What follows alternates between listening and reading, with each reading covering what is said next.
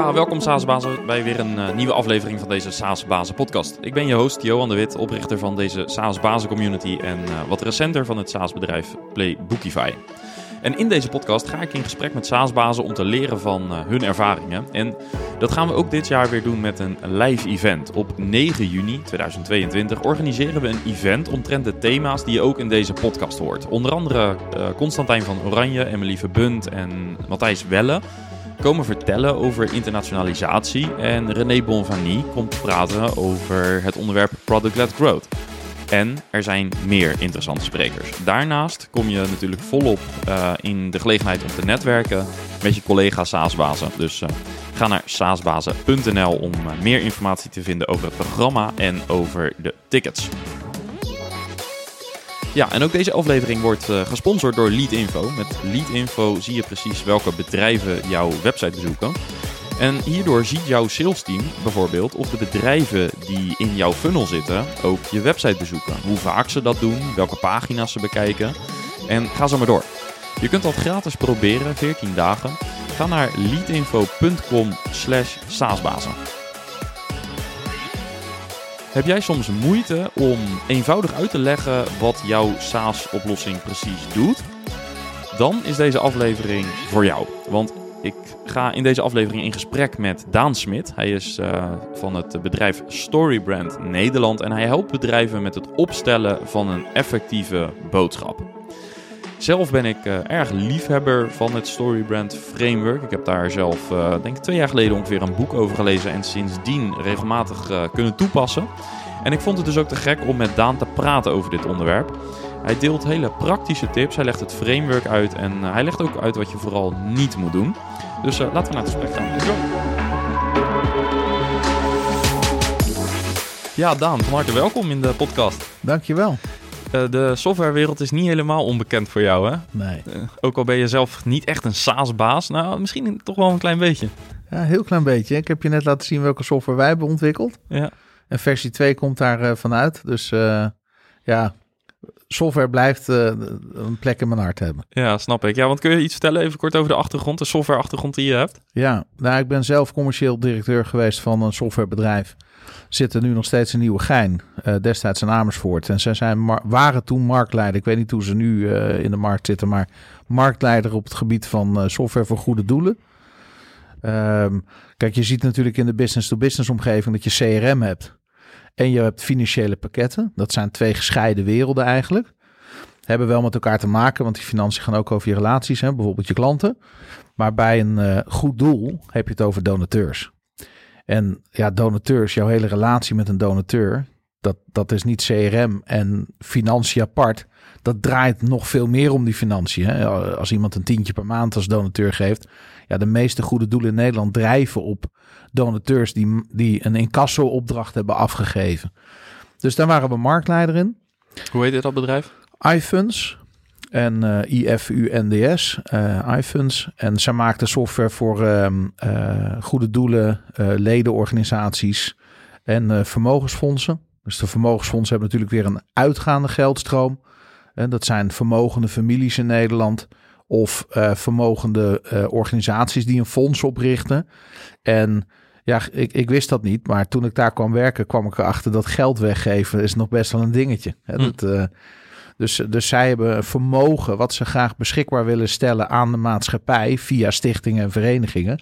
En die krijgen aanvragen binnen. Dat hele proces van die aanvraag tot het geven van het geld en het rapporteren over wat er met het geld is gebeurd. Daar hadden wij ook een pakket voor, dat heette Kristal.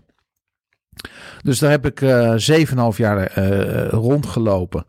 En deden we goede doelen als de Hartstichting, Stichting ALS. Nou, je kan het zo gek niet bedenken of we hebben ervoor gewerkt. Ja. Maar ook politieke partijen bijvoorbeeld, hè, de partijbureaus, de ledenorganisaties. Ja. ja. En uh, vanuit de software heb je de overstap gemaakt naar marketing. Uiteindelijk ja. uh, vandaag uh, de founder van Storybrand Nederland. Ja. Um, kun je ons uitleggen wat dat inhoudt? Ja. Um, nou, Storybrand is een, een framework wat, wat je kunt gebruiken voor al je marketing- en communicatieuitingen. Of je nou business to business, business to consumer, dat maakt niet uit. Het is voor alle organisaties. Hoe vertel ik mijn boodschap en hoe zorg ik dat het aansluit op de behoeften van mijn klant? Ja, en je noemt dus, dat is een framework. Ja. Ehm, dat is eh, ontwikkeld in de VS.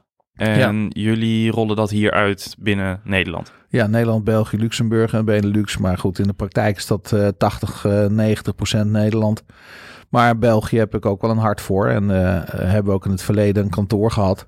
eh, toen ik nog bij Ivent zat. Dus eh, ik, ik zie wel echt Nederland en België als onze doelgroep. Ja. Ja, check. Maar inderdaad, een framework het is ontwikkeld door Don Miller in Amerika.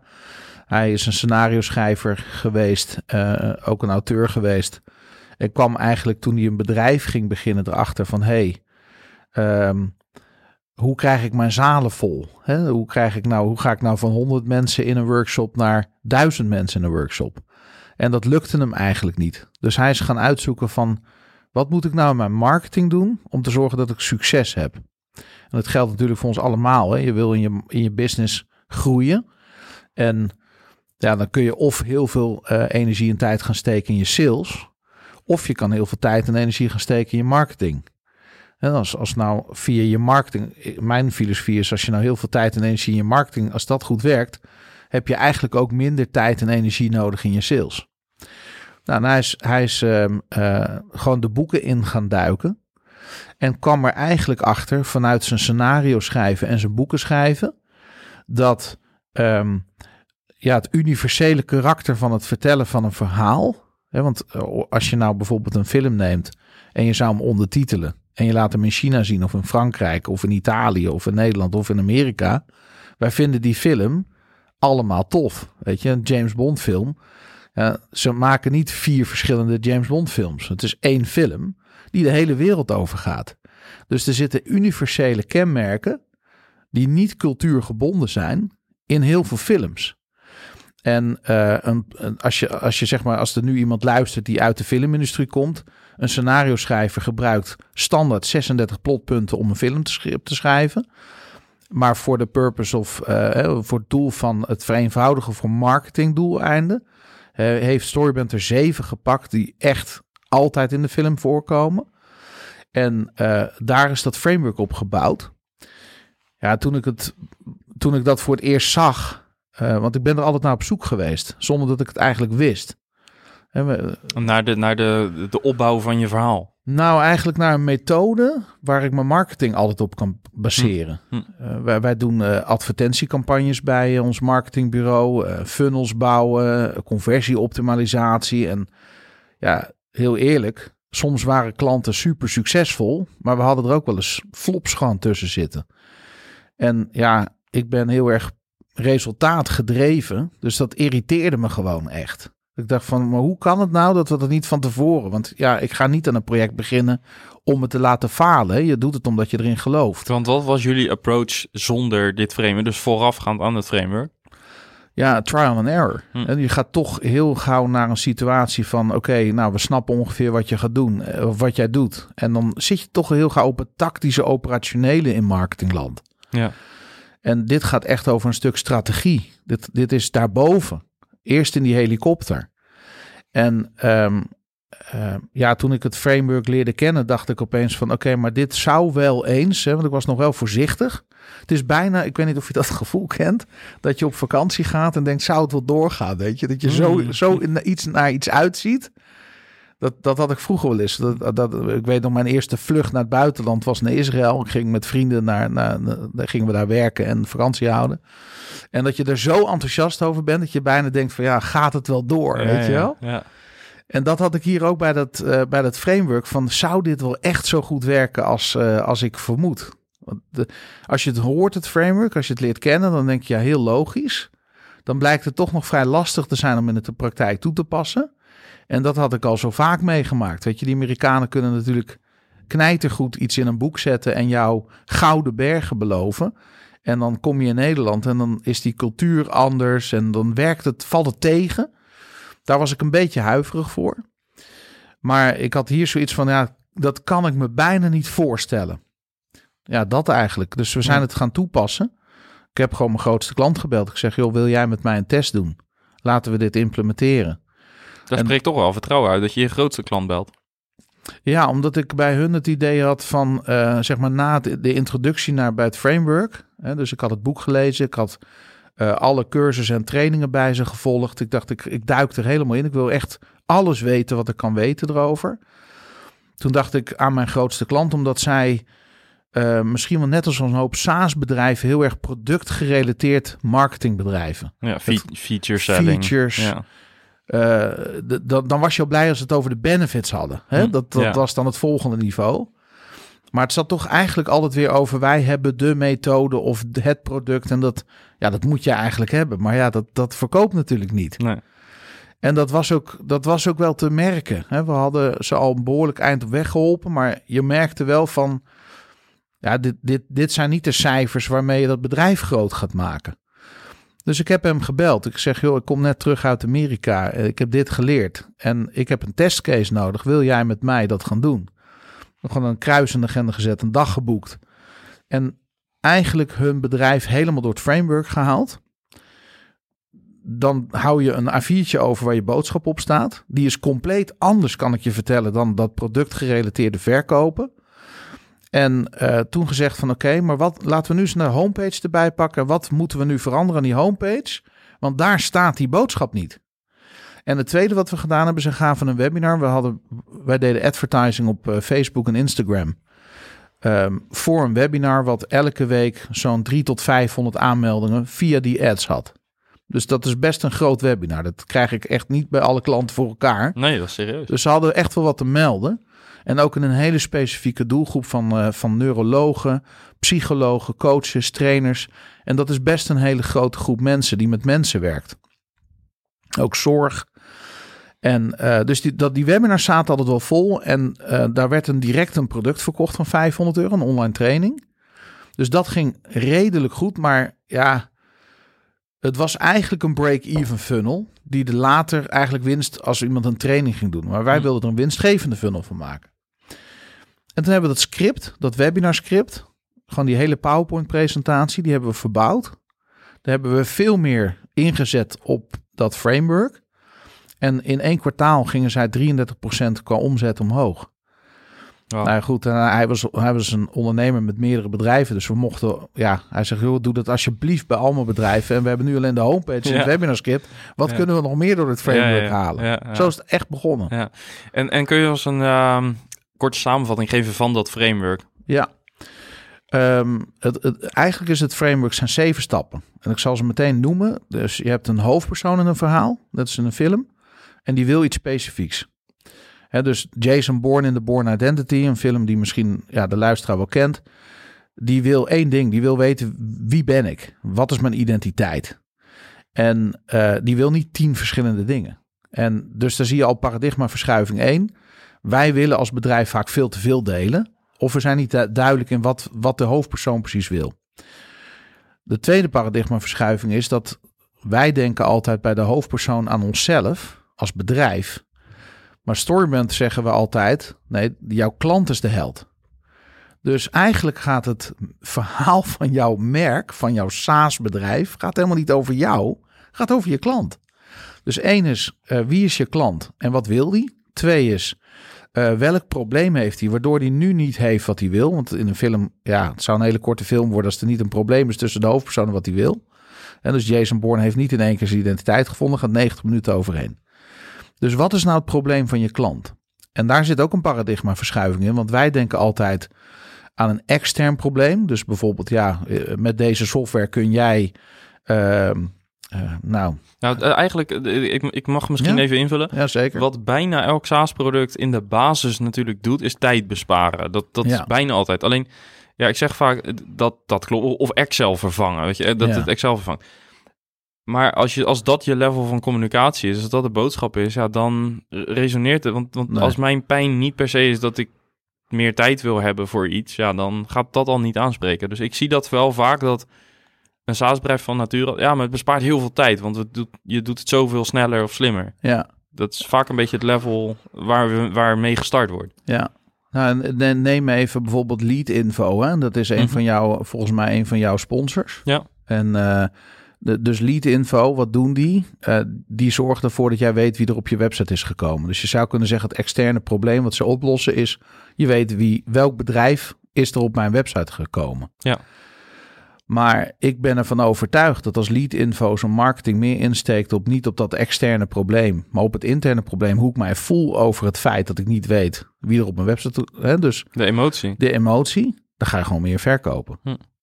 En eh, dus, dus het interne probleem is natuurlijk ook het belangrijkste probleem in een film. Want ehm, ja, ik weet niet hoe vaak je. Stel dat jij en ik naar een film gaan kijken waar iemand een bom onschadelijk moet maken.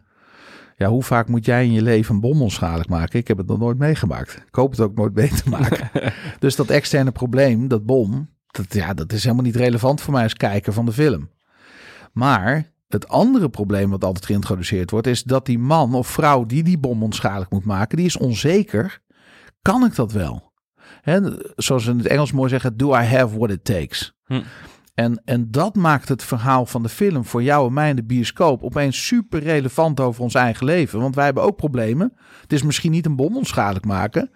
Maar jij en ik zijn natuurlijk ook niet de hele dag zeker over onszelf. De- Gaat het mij lukken om dit te doen? En dat maakt een film interessant. Dat maakt dus ook jouw marketing interessant. Dat externe probleem. Joh, als ik een hovenier zoek voor die bruine vlekken in mijn gezond weg te halen. Joh, ik geloof echt wel dat elke, ik woon in Leusden, dat elke hovenier dat, dat wel voor elkaar krijgt. Maar de hovenier die in zijn offertes en in zijn presentaties en op zijn website en in zijn foto's en in zijn video's heel erg gaat zitten op de emotieas. Hè, dat ik daar weer met mijn kinderen over het gras kan, kan, kan, kan rollen bollen. Dat ik lekker met mijn vrouw achter in een mooie tuin eh, kan genieten met eh, een glimlach op mijn gezicht. Dat ik daar een barbecue kan neerzetten, een partytent en een feest kan geven. Die emotionele dingen, ja, die zorgen er ook voor dat het niet meer over prijs gaat. Dat het niet meer over levertijd gaat. Eh, wij helpen heel veel klanten die gewoon merken van joh, we hebben het niet meer met onze klanten over prijzen. Soms zijn we de laatste die kunnen leveren, maar ze willen wachten, want we hebben ze geraakt. En dat is met SaaS, met software natuurlijk heel belangrijk. Uiteindelijk koop jij nooit software, omdat je zo graag een software toeltje hebt, behalve wij als nerds misschien. maar je koopt software of je, je neemt software af omdat je een probleem wil oplossen.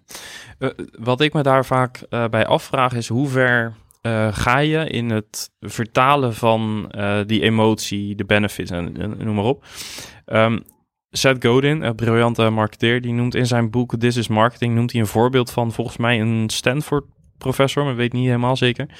Ehm, maar daar gaat het er eigenlijk over, en, en ik, ik zal waarschijnlijk de, de afmeting nu verkeerd zeggen, maar ehm, die professor zegt eigenlijk, eh, niemand gaat naar de bouwmarkt voor een, eh, een, om een boordje van 10 mm te halen. Hmm, Je gaat naar de bouwmarkt om een gat in je muur te boren. ja, Maar eigenlijk gaat niemand naar de bouwmarkt om een gat in... Want wie wil er een gat in de muur? In principe niemand. Nee. Je, je wil daar iets ophangen. klopt. Maar waarom wil je iets aan de muur ophangen? Omdat je een eh, boekenplank wil ophangen. Ja, Eh, waarom wil je een boekenplank hebben? Omdat je huis nu niet netjes opgeruimd is. ja, Waarom wil je dat je huis netjes opgeruimd is? Dat je trots bent op je huis.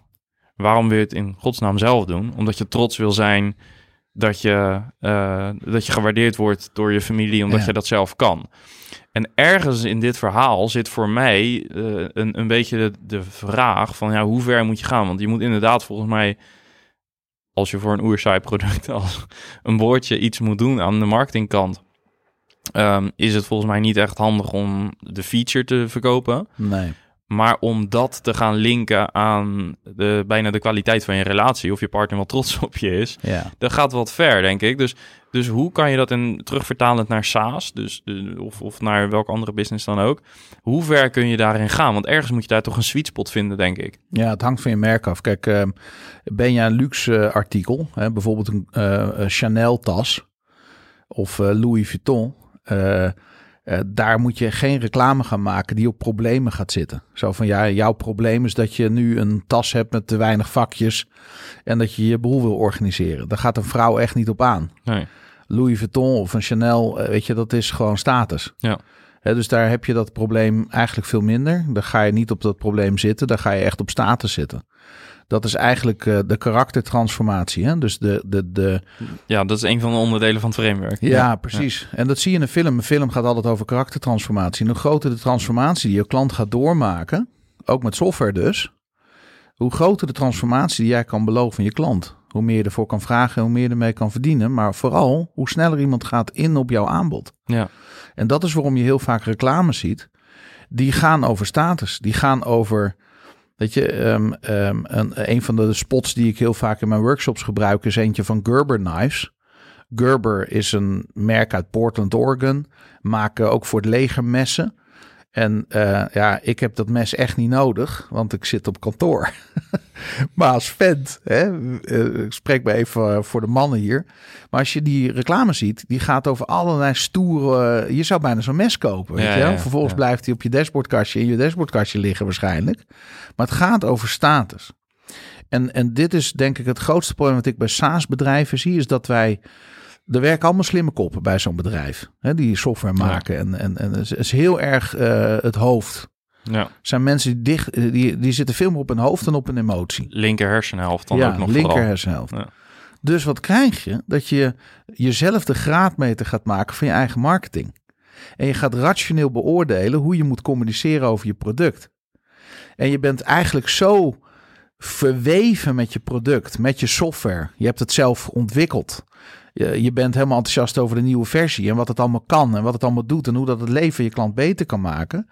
Maar je bent er zo mee getrouwd dat je jezelf gaat nemen als de graadmeter van je eigen marketingboodschap. En wat krijg je dan voor marketing? Linker hersenhelft marketing. Rationeel. Wat zijn wij als mens? We zijn emotionele wezens met een rationele ervaring, zeg ik altijd. Want wij denken wel dat we rationele wezens zijn met een emotionele ervaring, maar dat is natuurlijk echt de grootste larikoek die er bestaat. Want zelfs een auto aankopen en zelfs software kopen is een ongelooflijk emotionele aangelegenheid. Alleen wij denken dat dat niet zo is. Ik zeg ook letterlijk denken, omdat we het benaderen vanuit ons hoofd. Ja. En daar gaat het keihard fout. Ja. En, en dus om jouw vraag even af te maken. Dus je hebt, al, je hebt een hoofdpersoon, die wil iets specifieks. Die komt een probleem tegen op meerdere niveaus. Eh, die kan het probleem niet oplossen, dus komt er een gids. Eh, Mr. Q die de Aston Martin geeft met alle voefjes die James Bond nodig heeft. De pen waarmee die kan schieten, et cetera. Dus je hebt een gids, die geeft een plan. Die roept op tot actie. En dat leidt tot succes of dat, en dat voorkomt mislukking. En dat leidt uiteindelijk tot een karaktertransformatie. Dat is het framework. En die gids, dat is het softwarebedrijf in deze. Dus die Exact. is niet de held. Nee. Nee. En dat is misschien wel de allerbelangrijkste paradigmaverschuiving die ik bij teams, hè, de, de- als, je, als wij workshops geven en je ziet een team door zo'n dag heen gaan, dan zie je dat eigenlijk als de grootste openbaring. En ik kan het ze zeggen, maar als ik het ze laat zien en ervaren en ze gaan samen door het proces heen, gaan ze absoluut anders eh, hun eh, hele product in de markt zetten. Nou, wat mij altijd opvalt als ik, dat is een van de eerste dingen die ik doe als ik naar een softwarebedrijf eh, kijk, dan kijk ik een beetje naar de, de belangrijkste teksten op de website, dus homepage, featurepagina's, dat soort dingen. Hmm. En dan zie je vaak of de meeste zinnen beginnen met een werkwoord, dus bijvoorbeeld provide of eliminate of weet ik veel wat. Ehm, of het begint met we, dus we help you or we serve or we provide, dat soort dingen. Terwijl al staat er, al staat er provide your team with the right tools to eh, engage with your customer of, of iets in die koers. Ja, Dan weet je al, dat die hebben nagedacht over van wat hun klant gaat doen. ja, In plaats van wij, softwarebedrijf, wij gaan, voor je, wij gaan jou helpen. Dat is die hero-positie die je eigenlijk niet wil hebben. Nee. Je, je wil niet, dus eigenlijk wil je customer-centric zijn. Hoe ja, ja. wollig dat ook klinkt misschien. Of, maar hè, dus, dus dat ik heel vaak zie, en ik vind dat zelf ook wel lastig soms, hè, dat Ja. je echt het continu vanuit het perspectief van die gebruiker gaat vertellen. En eigenlijk zeg je, door dat framework te gebruiken, doe je dat eigenlijk initieel al, want ja. je denkt vanuit de hoofdpersoon en dat is je klant. Exact. En daarom heb je een framework nodig. Want je, je, je ehm, zeg maar, eh, waar, waar, waar ik zo blij mee ben. Kijk, een framework voelt misschien als een soort gevangenis. Van ik ga mij nu conformeren aan een framework. Maar exact het tegenovergestelde gebeurt. Door je te conformeren aan een framework ontstaat de vrijheid die je eigenlijk wilde. Want je gaat er één keer doorheen en vervolgens zie je, wow, dit kan ik in mijn offertes toepassen. Eh, de, onze klanten maken totaal andere offertes. En wij werken echt met grote SaaS-bedrijven in Nederland. Dat kan je vertellen. Na de workshop, die, die, misschien verdwijnen wel twintig pagina's uit de offerte. Want we zijn allemaal aan het zenden. Ja. Hoeveel jaar we bestaan. eh, great place to work. eh, En natuurlijk heeft, dat zijn allemaal boodschappen die hebben echt wel een plek hoor. Ik bedoel, ik ben ook niet achterlijk. Maar het, het is niet je primaire verhaal. Het primaire verhaal wat je klant wil horen is zijn verhaal. Ja. En eh, daar komt bij dat als je ehm, eh, naar SaaS-bedrijven kijkt en je gaat het framework toepassen. Kijk, waar ik heel enthousiast over ben, is eigenlijk waarom het framework zo krachtig werkt. Want het heeft te maken met hoe ons brein werkt. En dat is misschien wel een van de belangrijkste dingen die ik SaaS-bedrijven kan, kan, waar ik ze mee help, is dat ze zien van oké, dus dit is niet jouw mening, dit is ook niet een framework, nee, dit is gebaseerd op twee principes van het brein en die, die werken altijd zo. Ja. Ja. En als ze dat gaan zien, en ik kan ze ook noemen, dus eh, zeg maar, het brein is altijd bezig met overleven en verder komen in het leven. Dus als jouw boodschap aansluit eh, op overleven en verder komen in het leven, eh, dus met andere woorden, what's in it for me? Waarom zou ik jouw, jouw software moeten gebruiken? Hè, what's in it for me? Wat heb ik eraan? Daar moet het op aansluiten. En het tweede is dat je brein ook nog eens probeert zo min mogelijk calorieën te verbranden. En, ja, een, een gemiddelde dag verbruik je 600 calorieën alleen je brein al.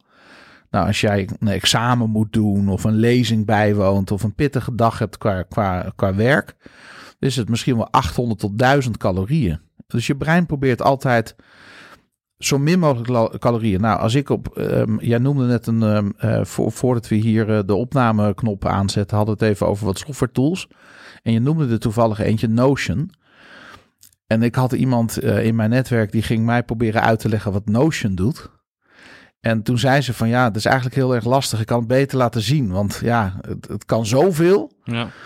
Maar toch ben ik ervan overtuigd dat Notion in staat is, als ze het framework zouden gebruiken, om echt vast te leggen, zodat mijn brein meteen begrijpt wat het, wat het voordeel is. En ik weinig calorieën hoef te verbranden om het te begrijpen, ehm, wat het doet. Ja, een, een, vraag hierover die, ik, eh, die mij wel eens bezighoudt, maar die ik ook wel bij SaaS-bedrijven zie die echt iets disruptiefs doen. Eh, en, en dan niet vanwege het modewoord, maar ook echt iets doen. Dus een beetje in een blue ocean markt zitten. Dus eh, stel, je gaat niet een nieuw CRM bouwen voor eh, real estate, ik noem maar wat.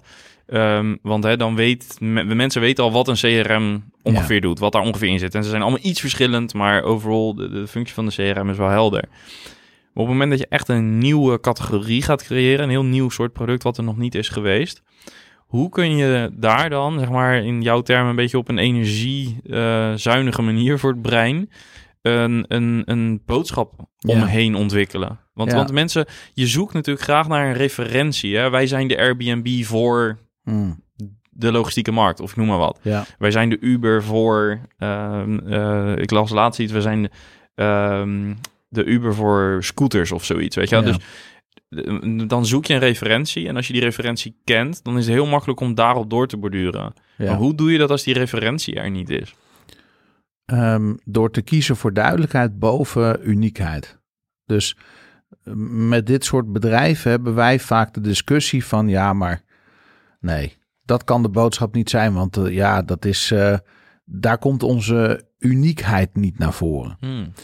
En dan zeg ik van nou prima, je mag voor mij een marketingcampagne gaan, gaan doen op jouw manier. Hè? En, en helemaal op het unieke gaan zitten. Maar we kunnen het ook op, op, op, op de, de, de manier doen van het brein van de mens. Want clarity always wins. Hè? De duidelijkheid wint altijd. En we hebben als mantra bij, bij ons op kantoor: if you confuse, you lose. Ja. En A confused eh, mind never buys. Ja, ja. En dat is feitelijk wat er vaak gebeurt. Dat, dat zorgt nou eerst maar dat het helder is.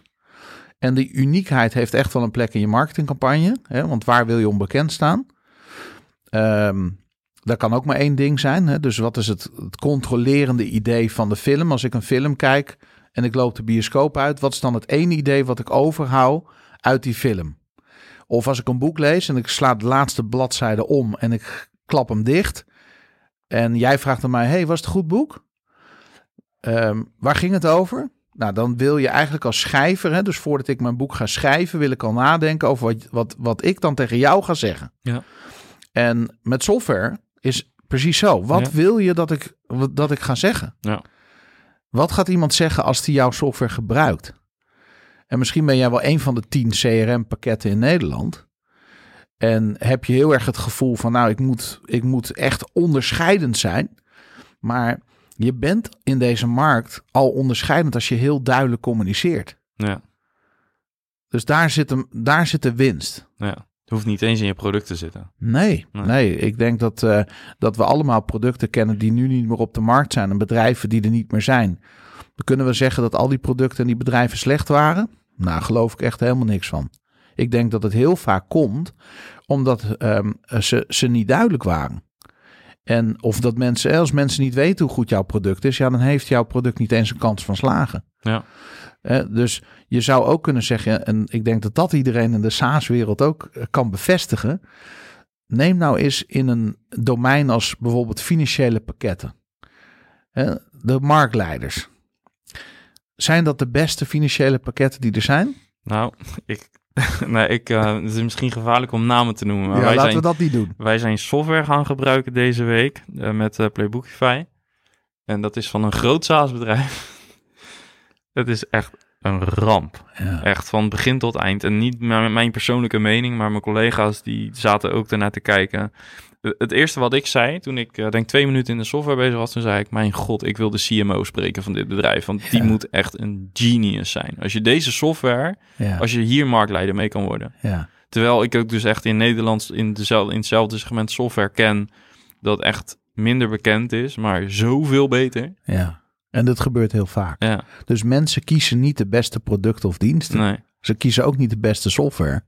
Maar degene die ze het snelste kunnen begrijpen. Ja. Nou, in, in dit geval waren wij echt geforceerd om dit te gebruiken eigenlijk, omdat we andere software die, die belangrijker voor ons is, koppelt alleen met deze software. Dus we zitten een beetje in zo'n Ja. positie dat we weinig te kiezen Oh, hebben, jeetje. maar het is uh, uh, Hmm.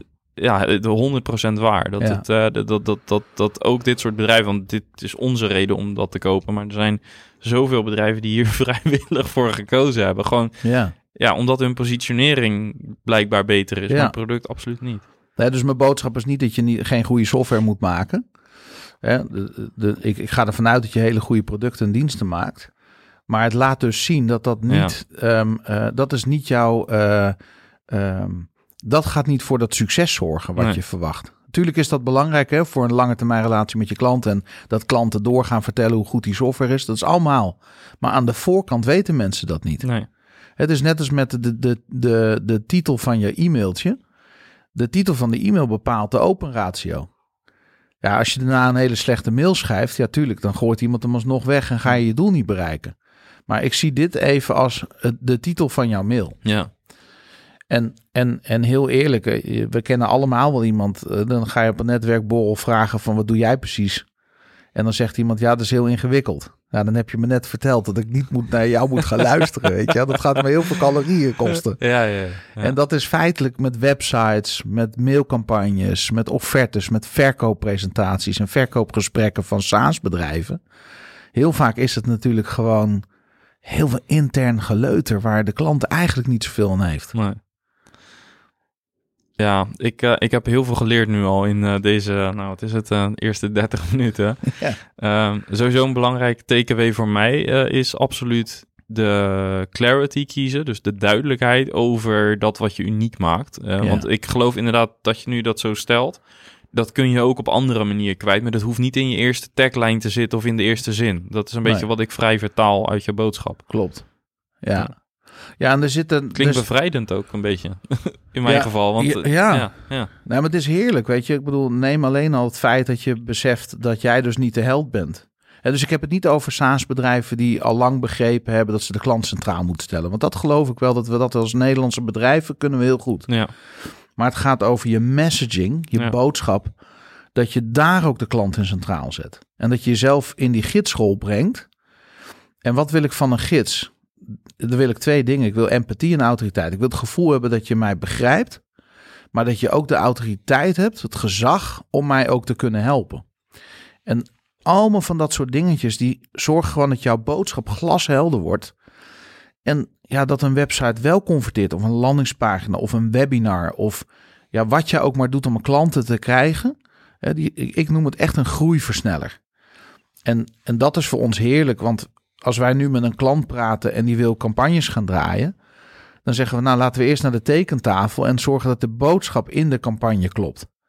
Elke euro die je daarna uit gaat geven aan je advertising, die gaat gewoon gegarandeerd meer omzet opleveren. Ja. Hè, Het zijn woorden maken wat dat betreft een heel groot verschil. Ja. Eh, ik zou nog even naar die laatste stap even wat meer in detail willen kijken. Dus eh, die transformatie. Ja. Kun je een voorbeeld geven? We hadden het net bijvoorbeeld over financiële software, dus stel boekhoudsoftware. Of je mag ook ander, als je een ander voorbeeld in gedachten hebt, ook goed hoor.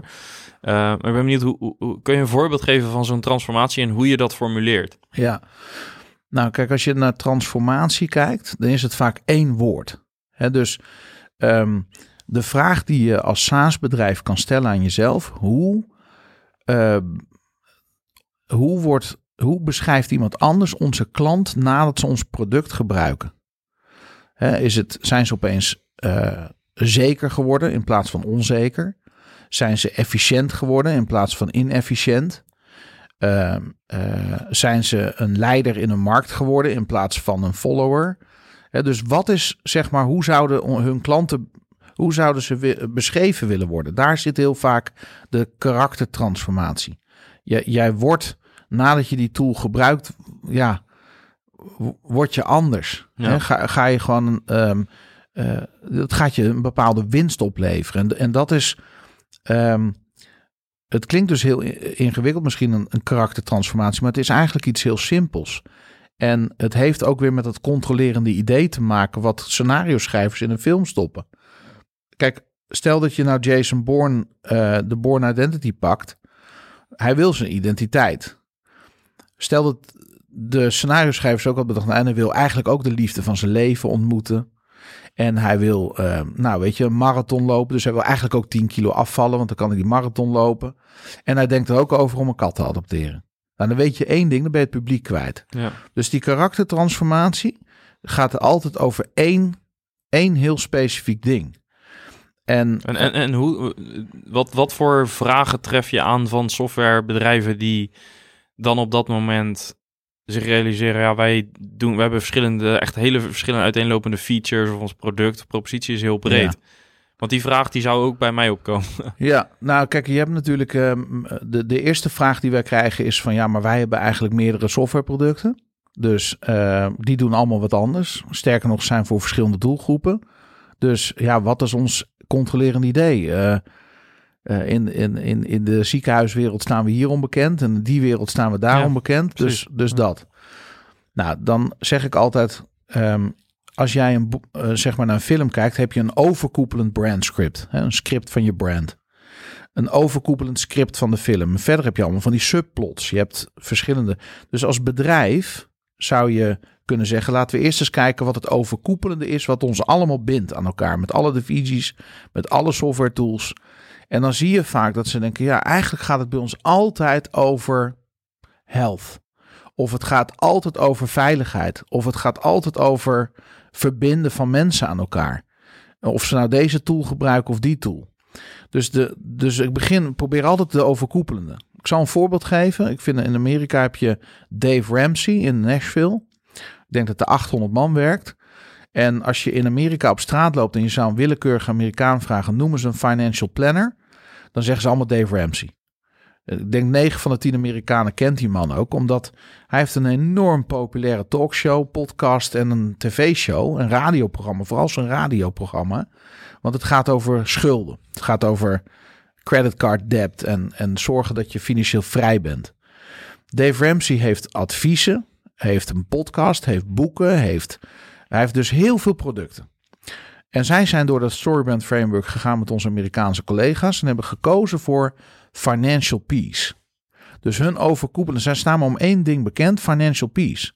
Maar hypotheekadvies, eh, een, een, een, ze hebben ook software tools voor je budget, privé en noem maar op. Eigenlijk alles helpt jou om financiële rust te krijgen. Dat is hun overkoepelende thema. Dat is eigenlijk een soort kapstok. eh, Waar je alles paraplu, ophangt. Waar, ja, precies. Ja. ja. En dat zou je heel goed kunnen gebruiken ook als SaaS-bedrijf. En dan vervolgens kan je op specifieke producten ook brandscripts maken. Ja. En als je eenmaal weet hoe het framework wer- werkt, kun je dat gewoon gebruiken. Ja. En je kan het zelfs voor campagnes veranderen. Ja. Want misschien heb je voor dit ene specifieke softwarepakket, ga je een lancering doen. En wil je het één thema uitlichten eigenlijk. Daar ga je op zitten. Ja. Maar misschien doe je over drie maanden een andere lancering. En ga je op een ander thema zitten. Dat, Die vrijheid heb je natuurlijk. Ja, precies. Of als je verschillende doelgroepen hebt, maar hetzelfde product. Ja, precies. Ja, helder. Ehm, ja, er is nog een hele hoop te ontdekken, maar ik zou bijna zeggen, ehm, luister naar eh, jullie podcast, eh, lees het boek Story Brand en eh, nou, we zullen ook een link in de show notes zetten naar de resources die jullie delen, want dat zijn er nogal wat. Ja, Ik denk dat het echt heel veel te leren is. Ik vond het super waardevol. Ik heb het boek denk ik drie jaar geleden een keer, of twee jaar geleden denk ik gelezen. Nou, misschien zelfs korter geleden. En, en ehm, ja, voor mij was het ook eh, super verhelderend. En sindsdien eh, heb ik er eh, regelmatig naar gekeken. En wij gaan binnenkort ook een keer een sessie doen. Dus Ja, dat wordt ja, sowieso leuk. Ehm, maar er is nog wel een andere vraag die, die ik nog kort even zou willen behandelen. Want dat is Ja. meer, meer een soort persoonlijke nieuwsgierigheid naar, naar hoe jij dat ziet. Jullie werken dus met een, met een framework.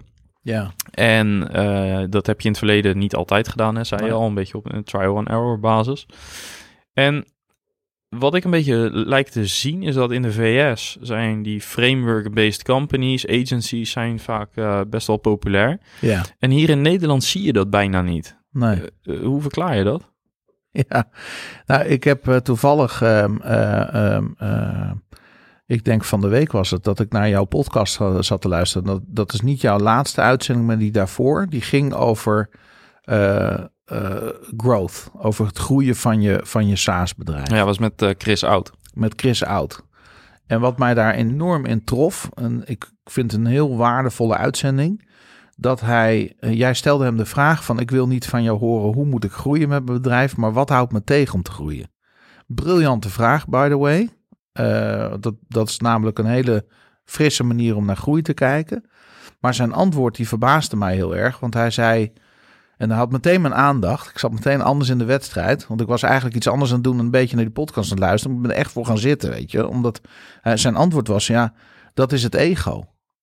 Het probleem van groei is altijd de ondernemer of... Hè, hij noemde bijvoorbeeld het voorbeeld... als jij altijd denkt dat jij de beste sales bent... ga je nooit salesmensen. Dus er wordt de self-fulfilling prophecy. Dus het gaat heel erg om ego.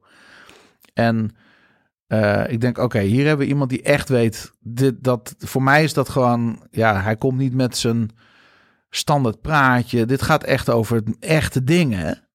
En zo zie ik het ook met frameworks. Als ik even naar mezelf kijk, in alle openheid en eerlijkheid, ben ik altijd weggegaan van frameworks. Want ik dacht, ja, dus marketing is creatief. Hm. En eh, wij gaan het voor je bedenken. En dat, eh, dat kunnen wij alleen. En zo, dat is allemaal ego. En ehm, terwijl als je je conformeert, als je gewoon denkt van oké, weet je, er is niks nieuws onder de zon. Als we daar nou eens van uitgaan, dat het allemaal al bedacht is. En dat de Storybrand gebaseerd is eigenlijk op eeuwenoude technieken van het verhalen vertellen. Ik bedoel, ik heb het oudste boekje in mijn kast van Aristoteles. En dat heet De Poëet. En dat is een klein boekje, dat kun je tweedehands nog wel krijgen. Daar vertelt die man, hoe maak je een, een theaterstuk waar mensen geboeid van het begin tot het eind naar kijken. Dat is gewoon Storybrand all over. Dus Don Miller heeft het niet bedacht. Ik denk dat Aristoteles een van de bedenkers is. Ja, ja, ja. En, en wij willen heel vaak bekend staan om iets of, of Ja. het uitgevonden hebben. Maar als we nou gewoon eerlijk zeggen dat we het niet hebben uitgevonden, maar dat het wel ongelooflijk goed werkt. ja. Ja, wie ben ik dan om. Hè, dus, dus En welke transformatie heb jij doorgegaan om er nu wel oké mee te zijn? omdat, ik, omdat ik ging voor het eindresultaat. Klanten vertrouwen ons, die, willen, die geven geld uit. Die hebben, wij, wij zijn een, een, een, een- abonnementenbedrijf bij, bij Schmid Communicatie, bij het online marketingbureau. En ik wilde dat mijn, mijn klant blijft alleen klant als de euro die hij erin stopt, 4 euro, 5 euro, 6 euro of meer op gaat leveren. De, de ROI in de marketingcampagne, die moet gewoon flink zijn. En als het dan niet altijd lukt, ja, dan ben ik iemand, dan ga ik tot het gaatje om te ontdekken van hoe kan ik nou echt zeker weten. En ik zat heel erg op van ja, dan moet ik misschien een bepaald type klant eh, gaan selecteren, dat ik nog meer ga nichen. Want deze klant, nou zo zat ik. Maar dat vond ik heel onbevredigend. Ik dacht altijd van ja, maar er moet toch iets zijn dat als je dat goed hebt, dan bepaalt dat het succes ja of nee. En of je nou ehm, eh, van L'Oreal bent of van Ford Motor Companies of van welk bedrijf dan ook. Er moet iets zijn dat dat betaal, be- bepaalt. Het, Ja. is, het kan geen toeval zijn. Er moet een, iets van universele layer onder liggen. Ja. Iemand heeft Ja. een framework. Alleen ik heb het nog niet ontdekt. Ja. En voor mij is Storybound één. Ik, ik, ik heb, ik, ik, wij gebruiken nu alleen nog maar frameworks. Ja, en, en maar in Nederland is dus eigenlijk, eh, als ik je goed begrijp, zeg je dat in Nederland men eh, misschien iets te veel vanuit die ego-positie komt. En 100 procent. Ja, ja, dat, ja, dat hindert ons echt als volkje. Ja. Eh, als ik, als ik, dat eh, geldt trouwens natuurlijk maatschapp, maatschappij breed ook wel. Hè? Dat we hoeveel politieke overal, partijen hebben wij? overal mening over hebben. Ik was 18 jaar. Ik vloog voor het eerst naar Amerika. En ik kom op Dallas, Texas Airport. Een van de grootste vliegvelden van, van Amerika. En ik zag al die hekjes staan. Waar je zo zigzaggend, net als bij de Efteling, doorheen moet. Ja, dat wil je niet. Dus wat deed Daantje? Ja. Die stapte eroverheen en die ging vooraan staan. Nou, er kwam een Ja. police officer... die ook autoriteitengezag uitstraalde. Die, die pakte mij letterlijk in mijn kraag. En die bracht me helemaal terug en ik mocht lekker achteraan gaan staan. Ik heb echt letterlijk twee weken geleden op, eh, volgens mij Atlanta, nog precies hetzelfde meegemaakt. Ik was zo eigenwijs om ook onder zo'n ding door te gaan. Maar ik was even vergeten dat ik een rugtas op had. Dus dat, dat, Dat dat, paaltje lazert om. Stond er gelijk iemand achter. Dit is toch gewoon Nederland de top. Ja, denk wel, ben ik ook een eikel. Ja, nee, maar dat, ik vind mezelf soms ook een eikel. En zeker, dat was voor mij toen echt een... eh, ik heb later pas beseft wat de betekenis was. Maar dit is wat wij als Nederlanders doen. Ja, En Amerikanen zijn veel volgzamer. ja, En, en, en ehm, ja, heel eerlijk, ik denk dat dat ook wel... Hè, dus dat houdt hun niet klein. Nee, Het maakt hun Nee, misschien absoluut bepaalde niet. dingen Ja. wel heel groot. ja, ja. Interessant inzicht. Ja. Ja, gaaf. Ja, ik zou nog een uur door willen praten. Dat gaan we misschien ook doen, maar niet voor de luisteraar, want dat wordt eh, te lang aflevering, eh, is mijn ervaring. ja. Ehm, eh, maar zou je nog ehm, een, een, een takeaway willen meegeven aan de luisteraar? Mm, ja, ik zou, als, ik, als je één ding onthoudt uit deze podcast-aflevering, zou ik zeggen: if you confuse, you lose. Ja, ik, is die duidelijkheid. Clarity always wins. ik heb hem ook opgeschreven. We Ja. gaan hem ook ergens eh, terug laten komen. Ja, mooi. Super mooi. Onwijs bedankt. Graag gedaan. En Thanks. jij bedankt. Yes, en bekijk dus ook vooral de show notes van deze aflevering. Want daarin zie je de links naar praktische hulpmiddelen die eh, Daan aanbiedt om eh, zelf aan de slag te gaan. Ja, en laat me ook eh, weten wat je van deze aflevering vond. Heb je, of heb je zelf een suggestie voor een thema? Geef het door via info.saasbazen.nl ja, en wil je wat meer inzicht krijgen in de werkwijze van andere SaaS-bedrijven? Wil je praten met andere founders om te ontdekken hoe zij omgaan met de issues die jij ervaart? Schrijf je in voor ons event op 9 juni 2022. Daar komen we als SaaS-basis community bij elkaar om te leren van, eh, van elkaar en om ideeën, ervaringen en netwerk uit te wisselen. Ga naar, het, eh, naar, naar saasbazen.nl voor het eh, hele programma en voor tickets. saasbazen.nl dus. Tot volgende week weer. Ciao!